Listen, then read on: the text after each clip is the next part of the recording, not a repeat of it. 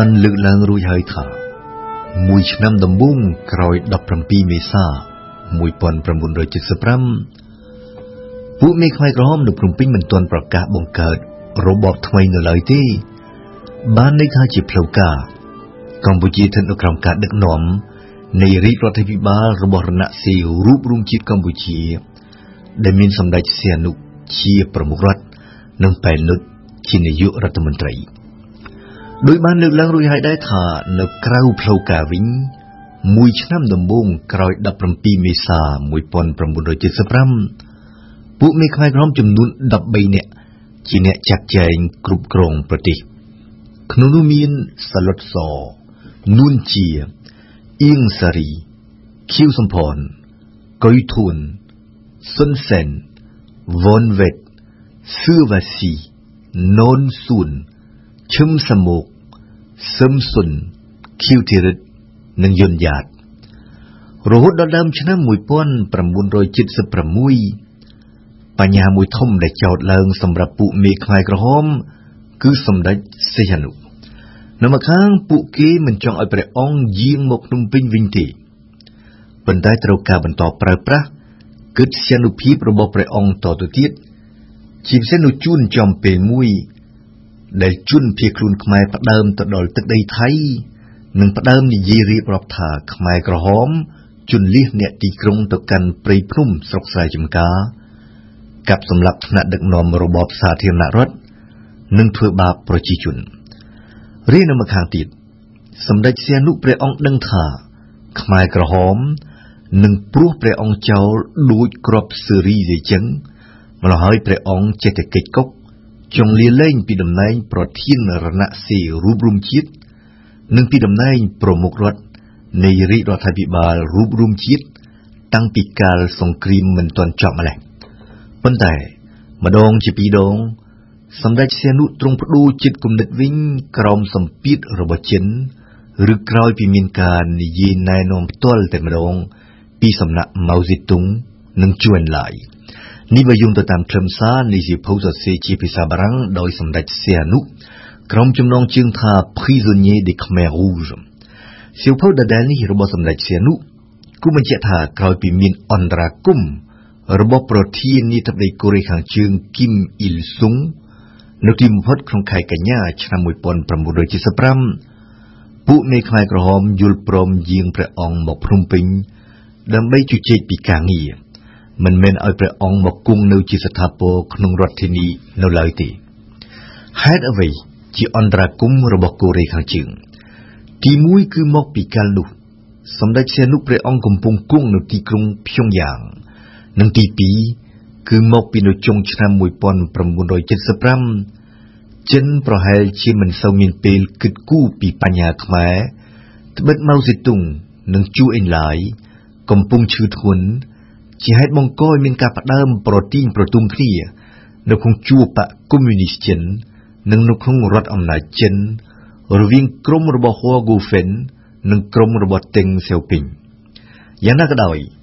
នៅខែកញ្ញាឆ្នាំ1975សម្ដេចសៀនុយាងទៅភ្នំពេញចំនួន3សប្តាហ៍កាលនោះពួកមេខ្មែរក្រហមស្នើព្រះអង្គឲ្យយាងទៅអង្គការសហប្រជាជាតិដើម្បីថ្លែងសន្និរកថា ពន្យល់ពិភពលោកថាគ្មានឡើយការកាប់សម្លាប់នៅកម្ពុជានិងថាកម្ពុជាคล้ายជាប្រទេសខ្លួនទីពឹងខ្លួនមានអ្វីអ្វីគ្រប់គ្រាន់អស់ហើយ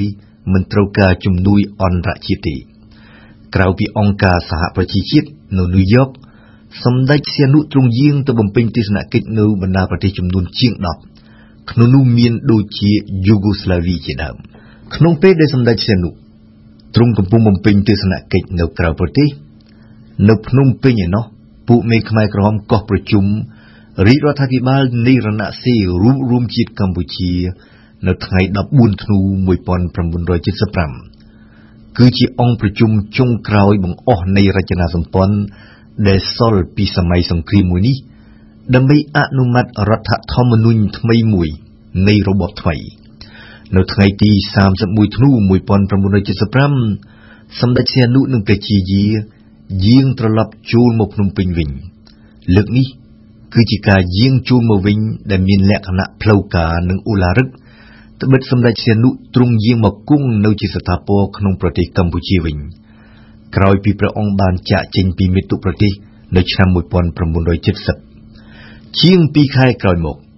គឺនៅដើមខែមីនា1976សម្ដេចសៀនុទ្រង់ដាក់ពាក្យសុំលាលែងពីតំណែង ពួកមេខ្មែរក្រហមយល់ព្រមប៉ុន្តែសម្រេចដាក់ឃុំព្រះអង្គនិងព្រះជាយានៅក្នុងព្រះបរមរាជវាំងនិងមិនអោយព្រះអង្គចាកចេញពីប្រទេសកម្ពុជាទេ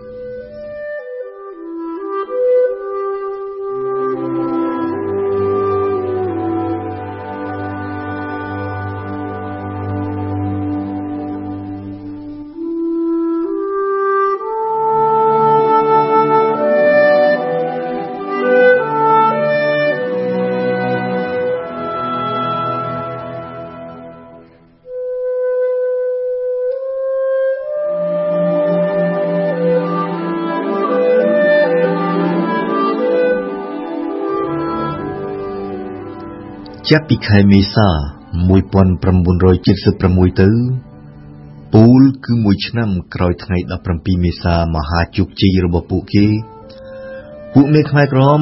លុបបំបត្តិចោលជាស្ថាពររាជរដ្ឋាភិបាលនៃរណសេរីរូបរំជាតិកម្ពុជារាជរបបខ្មែរក្រមមានឈ្មោះផ្លូវការថាកម្ពុជាប្រជាធិបតេយ្យចាប់ពីពេលនោះទៅសលុតសបាត់ឈ្មោះ ជំនួសដោយឈ្មោះផ្លូវការប៉ុលពត គឺជានាយករដ្ឋមន្ត្រីនួនជាជាប្រធានសភាប្រជាជនបដិវត្តខៀវសំផនជាប្រមុខរដ្ឋរាជសមាជិកនៃរដ្ឋាភិបាលមានដូចតទៅអៀងសារីឧបនាយករដ្ឋមន្ត្រី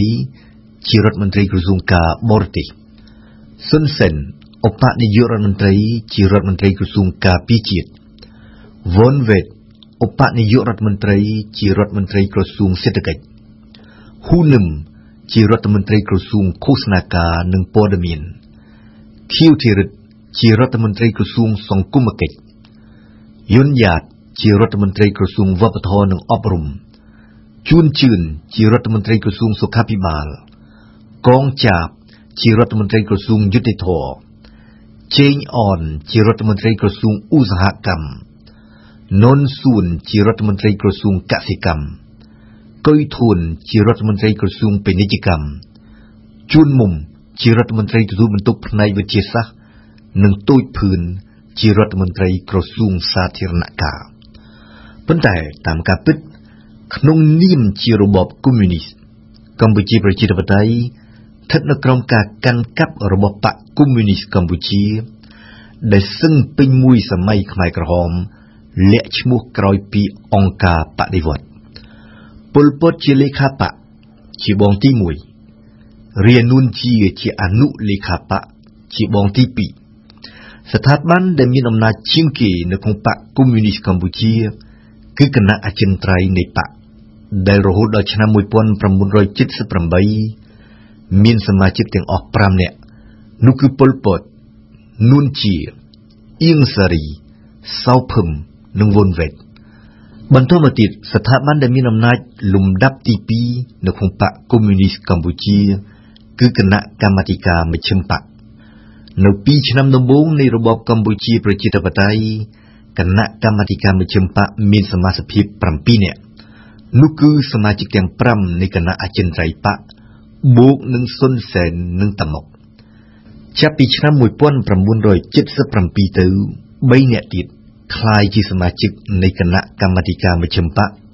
នោះគឺខៀវសំផនញឹមរស់និងកែពកយ៉ាងណាក៏ដោយដោយហេតុតែការមន្ទិលសង្ស័យគ្នានិងដោយហេតុតែការចោទគ្នា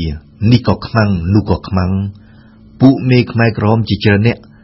នៅក្នុងជួរគណៈកម្មាធិការមជ្ឈិមបកនៅក្នុងជួរអំណាចភូមិភាគនិងនៅក្នុងជួររដ្ឋាភិបាលត្រូវចាប់ខ្លួនយកទៅធ្វើទារុណកម្ម និងសម្លាប់ចោលនៅគុកទួលស្លែងចាប់ពីឆ្នាំ1976ទៅក្នុងចំណោមអ្នករងគ្រោះនៃនយោបាយបោះសម្អាតថ្នាក់ដឹកនាំរួមមានជាអាតណៃសារ៉ាន់កុយធួន